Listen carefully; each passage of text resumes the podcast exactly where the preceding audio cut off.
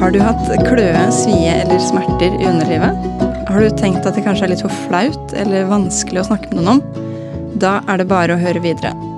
Jeg heter Hanna, og jeg er styreleder i Vulvodyniforeningen. Kort fortalt er vi en forening for alle som har smerter i vulva. Foreningen ble starta i 2020, og siden da har vi snakket med hundrevis i alle aldre med nettopp slike utfordringer. Dag skal vi snakke om hudlidelser. Og vi har fått besøk av forsker og hudlege Annelise Helgesen. Hun brenner for at vi kvinner skal få bedre vulvahelse. Og Annelise, velkommen. Tusen takk. Kan ikke du fortelle litt om deg selv og din bakgrunn? Eh, jo, eh, jeg er altså hudlege.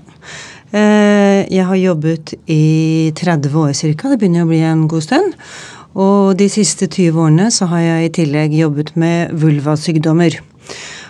Og jeg var eh, faktisk med og startet da den første vulvapoliklinikken i Norge. Og det var tilbake i 2003, så vi har jo faktisk 20-årsjubileum nå, da. Ehm, I tillegg til at jeg har jobbet med vulvasykdommer i såpass mange år, så jobber jeg som konsulent for øyeblikket på Nasjonalt senter for kvinnehelseforskning. Og der driver vi med forskning. Der er jeg sammen med en annen gruppe som ser på behandling, en ny type behandling av en av disse hudlidelsene man kan få i underlivet, nemlig lichen planus. De prøver å finne en ny behandling, men i tillegg så ser vi også på hvordan livet er å leve med en kronisk sykdom i vulva. For det er faktisk ikke gjort noe særlig før på det. Så eh, vi ønsket å gå litt dypere inn i hvordan det er å leve med dette i hverdagen. Eh, det ser jo ut som kanskje mange har store bekymringer. Man kan være problemer med å få partner. Og noen blir deprimerte av å ha dette over lang tid. Så det tror jeg kan bli fint at vi får sagt satt lys på akkurat den problemstillingen også. I tillegg til en annen type forskning. Den ser jeg veldig fram til å lese. Ja.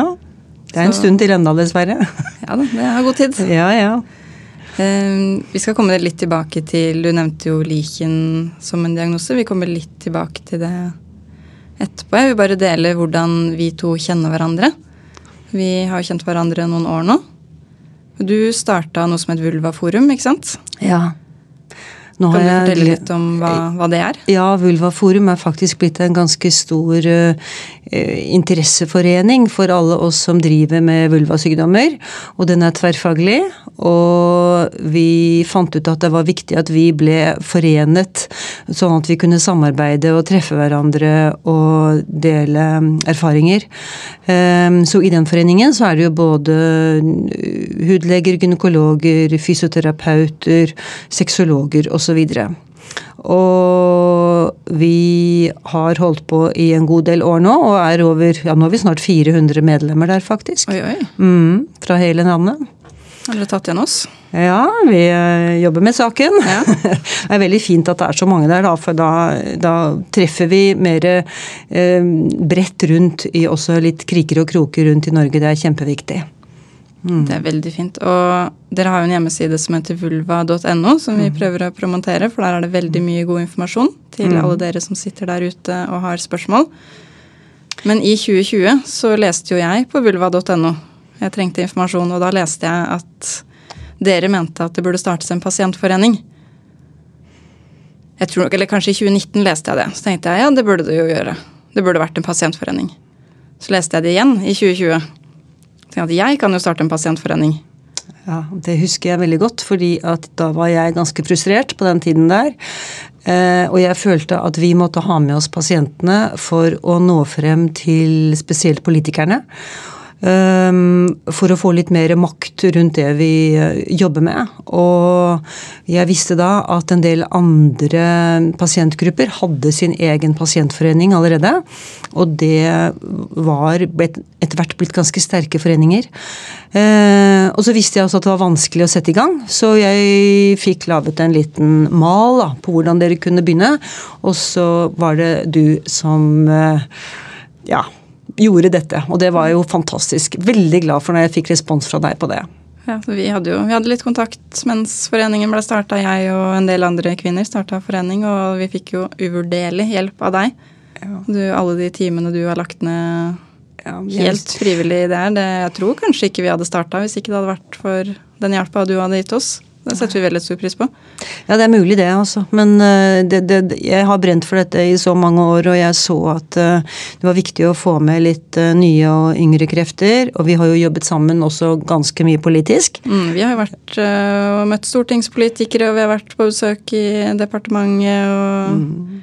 vi har kommet oss ut der. Vi har skrevet uh, høringssvar sammen. Og, ja, ja, Vi har jobba mye sammen de siste tre åra. Ja, vi har det. Og det har, vært, uh, det har, vært, veldig spennende. Av og til veldig frustrerende fordi vi ikke har kommet noen vei. Ja. Men uh, sånn i det lange løp så syns jeg vi har fått gjort en god del. Hvis vi må se litt langsiktig. Mm. Mm. Ja da. Det, jeg syns det skjer ting, jeg. Ja, det, det gjør, gjør det. Selv om det går sakte, så syns jeg det er bedre nå enn for ti år siden.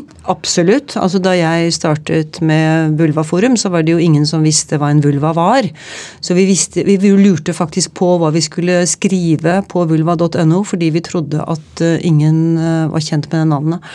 Og der har det skjedd veldig mye, altså. Mm. Så en klar bevisstgjøring. Ja, men nå, nå, har jeg lyst til å gå litt tilbake igjen til uh, hva var det du sa? Lichen planus, nevnte du? Ja. Hva er det for noe? Lichen planus er jo en av disse kroniske hudsykdommene som man kan få. Det er absolutt ikke den vanligste, men kanskje den vanskeligste å behandle. Uh, og vet ikke helt hvor mange vi har i Norge med det, men det kan være iallfall kanskje 400-500. Mange av de er nok fortsatt udiagnostisert, fordi det er en vanskelig tilstand å finne klart ut av. Men eh, den er jo en av mange kroniske hudsykdommer som, eh, for å si det sånn, trives i underlivet. Eh, og det er jo vanligere med en del andre sykdommer, sånn som lichen sklerosus. Og for ikke å snakke om psoriasis. Og der må vi ikke glemme at nye studier har vist at så mange som halvparten av pasientene med psoriasis også har det i underlivet. Og det blir ofte ikke nevnt. Eh, pasientene går rundt uten å fortelle om dette, og får da ofte ganske mangelfull hjelp. Så har vi alle eksemgruppene også, som er flere, og de har jo ofte veldig kløende eh, tilstander.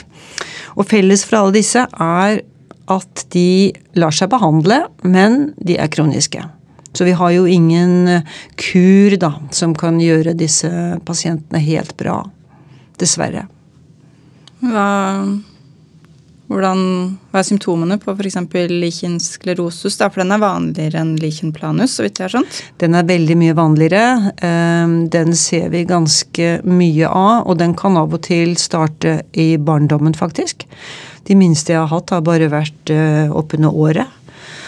Og så får man da en del plager i, i, mange år i barndommen, og så kan det være fint i puberteten av en eller annen grunn. Kanskje det er hormonelt styrt. Og så kommer det av og til tilbake i voksen alder.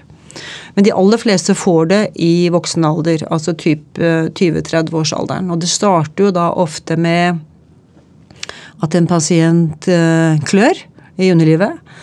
Og mange tenker jo da at dette er en soppinfeksjon, for det er eh, det vanligste som klør. Og så går man til legen, og så får man en kur for sopp, og så hjelper det vanligvis ikke noe særlig. Og etter hvert så ser man at det også kan bli en del strukturforandringer i huden. Ved at det blir eh, både røde og hvite felt rundt i vulva, ofte symmetrisk. Eh, og så mange som 50% av pasientene kan også få en del um, sammenvoksninger. Det betyr faktisk at eh, det kommer en hinne som legger seg over klitoris. Eh, og noen kan få litt trangere partier rundt eh, skjedeinngangen, sånn at det blir smertefullt og sånn.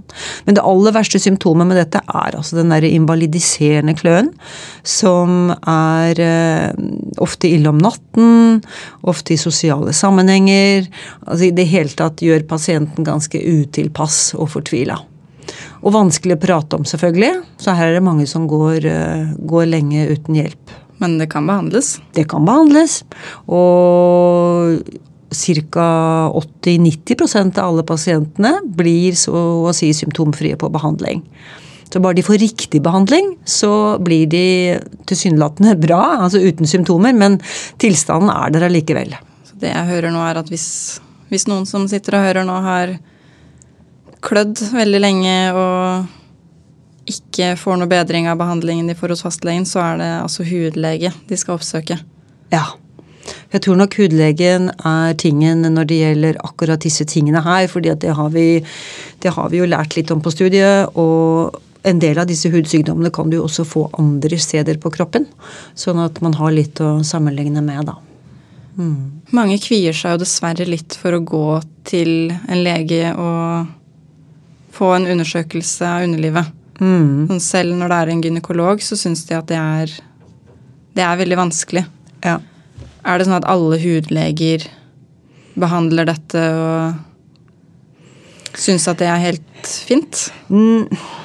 Det er jo sånn at eh, jeg, Selv om jeg sa at det var en del undervisning på, på studiet og sånn, så er det mangelfullt i aller høyeste grad. Og det er jo en av grunnene til at vi i Vulvaforum arrangerer kurs eh, for å prøve å gi mer informasjon rundt til både hudleger og gynekologer og egentlig alle leger.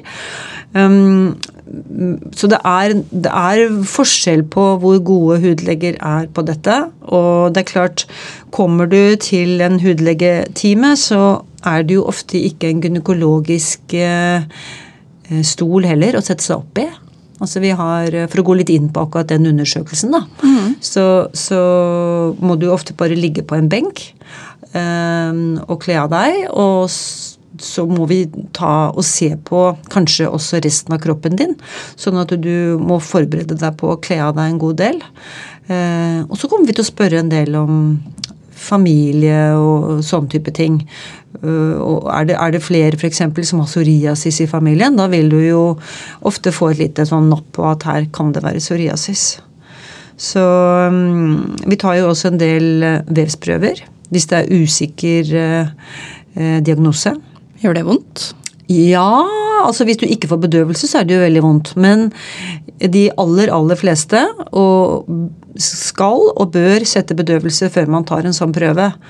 Uh, og det er en, ofte en bitte liten um, slags uh, Hva skal jeg si En slags kniv som settes inn i huden, som er en liten rund sak.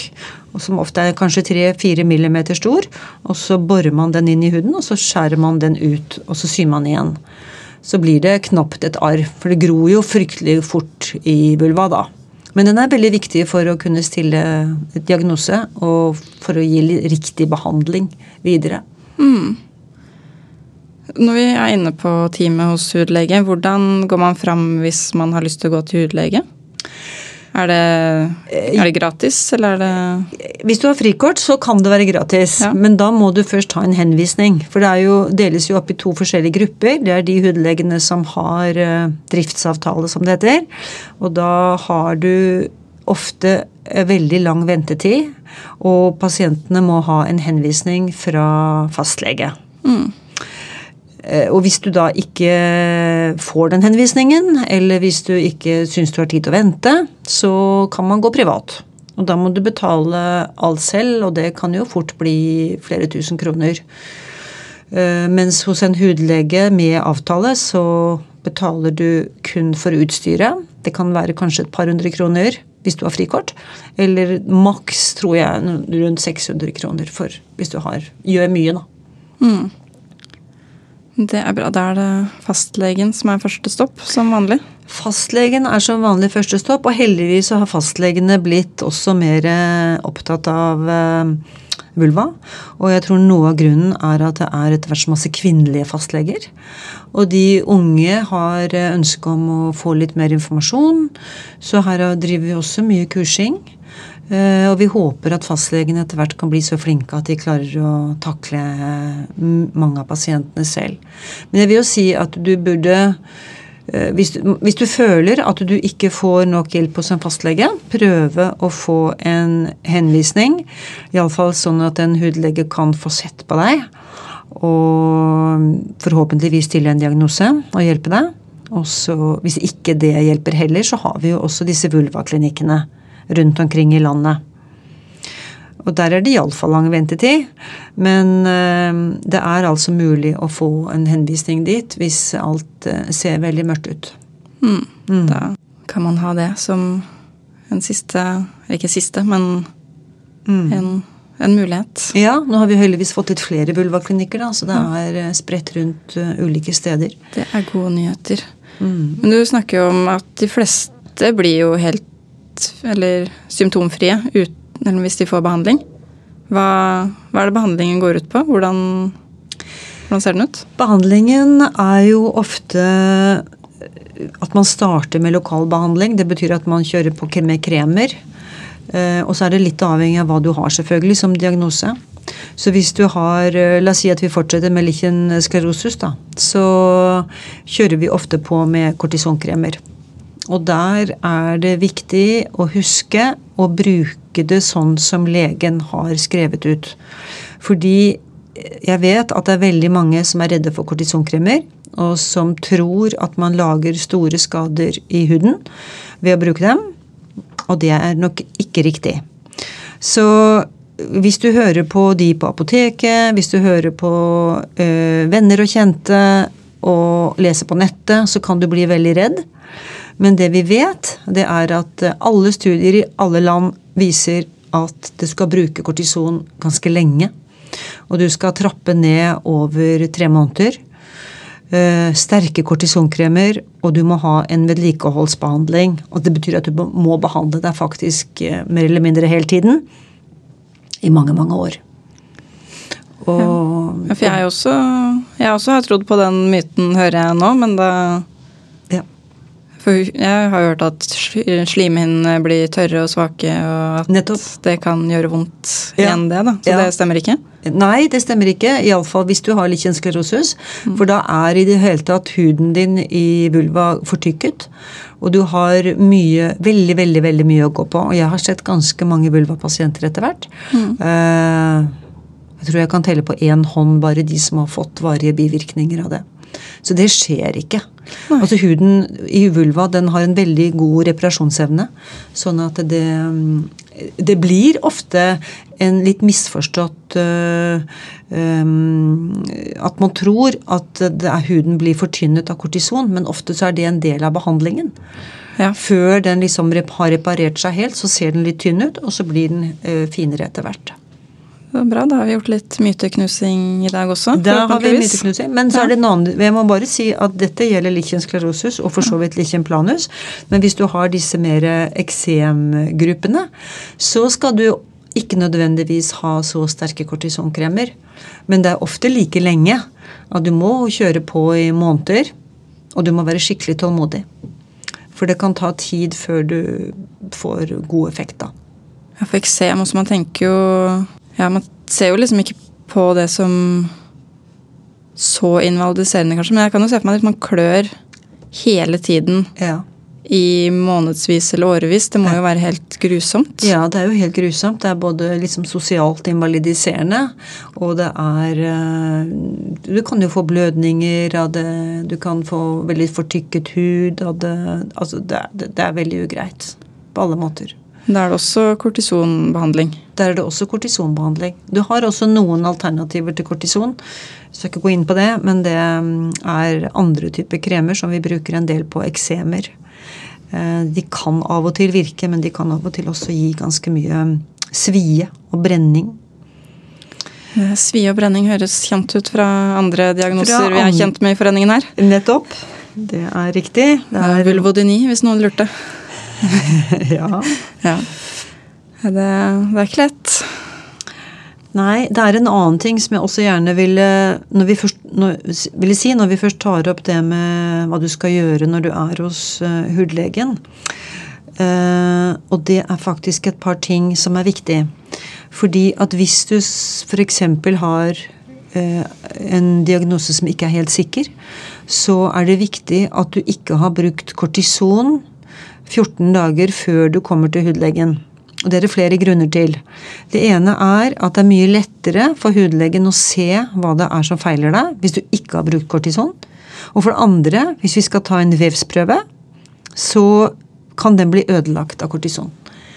Så, så derfor bør man prøve å holde seg unna kortison i forkant. Og så vil jeg anbefale å ta bilder. Og det er selvfølgelig ikke veldig morsomt å ta bilder av sitt eget underliv. Men hvis, det er, hvis du har en sånn tilstand som veksler veldig, så kan du være skikkelig uheldig når du har ventet tre måneder på hudlegetimen, og så er du ganske fin den dagen. Ja, det, Ja. ta, ta bilder av underlivet deres, Ta bilder. eh, folkens. Kanskje ikke altfor mange, men eh, du kan iallfall ha det, så kan du heller slette de etterpå. Um, er det noen andre forberedelser man burde gjøre til en time? Nei, jeg tror det var det viktigste. Eh, altså også prøve å få med seg kanskje litt sånn familiehistorie. Eh, hvis ikke du aner om foreldrene dine har hatt noe hudsykdom, så ville jeg spurt om det. Hvis du har muligheten. Fordi det er ofte viktig informasjon. Jeg vet jo Før gynekologtimer så er det jo mange som lurer på om de må f.eks. barbere seg. Må man det Nei. før en time hos hudlege? Trenger du ikke. Ja. Ikke til gynekolog heller, forresten. Nei, det har jeg aldri hørt om. Nei. At det er noe poeng i. Nei. Nei. Nei. Det, håret er liksom et helt annet sted enn der man stort sett er interessert i å sjekke. Ja. Apropos det, kan, kan det forverres av barbering, disse diagnosene? Ja, Det har vært veldig mye spørsmål om opp gjennom tidene, men det har vi ikke klart å konkludere med. Så det har antagelig ikke noe særlig å si. Da er det bare å ikke- gjøre akkurat som man vil. Man kan gjøre som man vil. Det har jo vært eh, mange asiatiske kvinner. De har jo barbert seg i eh, årtier. eh, og har det som tradisjon. Og de, de har jo ikke noe mer plager, de. Nei. Ja, det er fint å vite. Mm. Har du For det er jo mange som syns at det her er en ganske håpløs situasjon å være i. Har du noen suksesshistorier, om man kan kalle det det? En pasient det har gått skikkelig bra med? Ja, det er jo mange det. Altså det er klart det er eh, spesielt kanskje småbarna, som betyr jo mye. Og når de kommer og, og har underlivet fullt av sår og, og klør, så er det jo fantastisk moro når du ser at de, de får også ganske sterke kortisonkremer, nemlig. Uten at vi er redd for det. Eh, og de blir jo fantastisk fine. Det, det mm, reparerer seg eh, veldig, veldig fort. Og en annen gruppe som jeg også kan nevne, det er jo de som har um, sekundære vulvodynier, som det heter. Altså det er jo pasienter som har både en hudlidelse og som har en vulvodyni. Ja, ja, for det lurte jeg på akkurat nå, faktisk. Om man kunne ha begge. Ja, det kan du. Ja. Men da er det alltid sånn at eh, du først har hatt en hudsykdom, og så får du, fordi at du har så mye plager med sår og smerter og sammenvoksning eller hva det nå måtte være, eh, så får du altså en da sekundær, som vi kaller det, vulvodyni. Og da betyr det at den vulvodynien er egentlig ikke den er ikke primær, det er ikke det som er hovedgreia. Og da kan du bli veldig fin av vulvodynien når du har behandlet eh, den andre hudsykdommen. Ja, Forklarte jeg meg greit nå? ja jeg håper det. Jeg tror det. Ja. Men det er ikke omvendt. Du Nei. kan ikke ha en vulvodyni som lager en hudsykdom. Det skjer Nei, ikke. nei. Men du kan lage, ha en hudsykdom som lager en vulvodyni. Ja, ja, det er jo den smertespiralen vi ofte ser og hører om. Mm. At smerte avler smerte, rett og slett. Derfor er vi alltid opptatt når vi har en vulvodyni-pasient, å se om det er noe annet vi kan finne som vi kan behandle først. da. Mm. Og det, vi snakker jo om vulvodyni nå. Hvis ikke du allerede har hørt denne episoden, så kan jeg anbefale første episode av podkasten vår, hvor vi prater mer om det. Um, er det Du har snakka litt om arv, men er det noen annen grunn til at man får slike hudsykdommer? Enten eksem eller en av lichen-diagnosene. Kan man på en måte forebygge det på en måte? Eh, noen av dem kan du det. Spesielt eksempasientene. De kan jo av og til ha en tendens til overvasking.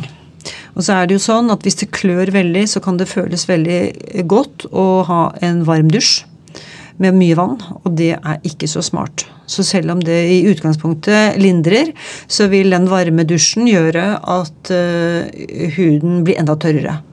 Og da er du inne i en ond sirkel. ikke sant? Så blir det bare verre og verre, og så klør du mer og mer, og så blir det mer vann, og det er ikke gunstig. Så vi anbefaler de med eksem å vaske seg med oljeprodukter. Ja. Uh, og bruke mindre vann. Minst mulig vann, egentlig. Oljeprodukter er de man får på apoteket, ikke sant? Ja. ja. Du får oljevask. Eh, intimvask, vanlig olje. Du kan også bruke faktisk vanlig olivenolje. Det ja. blir jo det billigste, antagelig. Uh, og så er det jo noen som driver og, og parfymerer seg veldig nedentil. da. Det er heller ikke så bra. ikke sant? Nei. Så Bruker parfymerte kremer, sprayer altså Det er mye rart folk gjør. Men hvis det er tørt, kan man smøre seg med fuktighetskrem på vulva? Ja, det kan du. Det fins spesielle kremer som er beregnet til, eh, til, det. Som ofte hvis du har litt uh, sårtendens og sprekker og sånt, så kan en del av de fuktighetskremene fra apoteket være bra. Ja, da... Mm. Det fins flere. Ganske mange, egentlig. Ja. Så, og i tillegg så Eh, så er det jo sånn at de fleste hudsykdommene, eh, som du sa, var arvelige, men eh, de har jo en autoimmun årsak, det vet vi. Og det kan man jo ikke gjøre noe med. Det, Hva det betyr er, autoimmun? Det betyr at du har en slags allergi mot dine egne celler. Og det er jo veldig mange tilstander som er autoimmune mange av de sånne leddgiktproblematikk f.eks. og uh, sukkersyke. Men denne her gruppen med hudsykdommer er ofte koblet mot uh, stoffskifte. Så der er det en del som, som, har begge deler. Det er dessverre ikke sånn at du kan behandle stoffskifte, og så blir du bra i vulva. Nei. De lever liksom sitt eget liv. Mm. Men jeg syns det er litt viktig å si også at det er jo ikke Ingen av disse sykdommene er smittsomme. Nei, det er kan, fint å vite. Ikke sant? Du kan ikke få det fra noen andre, og du kan heller ikke smitte det videre. Og de gir jo stort sett aldri kreft heller. Nei, det er det helt sikkert det er også, også viktig. Ja, så det er det veldig mange som er bekymret for, men, men det er eh, ekstremt sjelden i denne settingen. Mm, mm. Det er godt å høre tenker vi må begynne å runde av, selv om jeg kan jo sitte og prate med deg i timevis. Vi gjør jo ofte det når vi prater. Da er det vanskelig å stoppe det. Men har du, har du en ting du har lyst til å si til de som hører på nå, som kanskje er redd for at de har en hudlidelse, eller de er fortvila?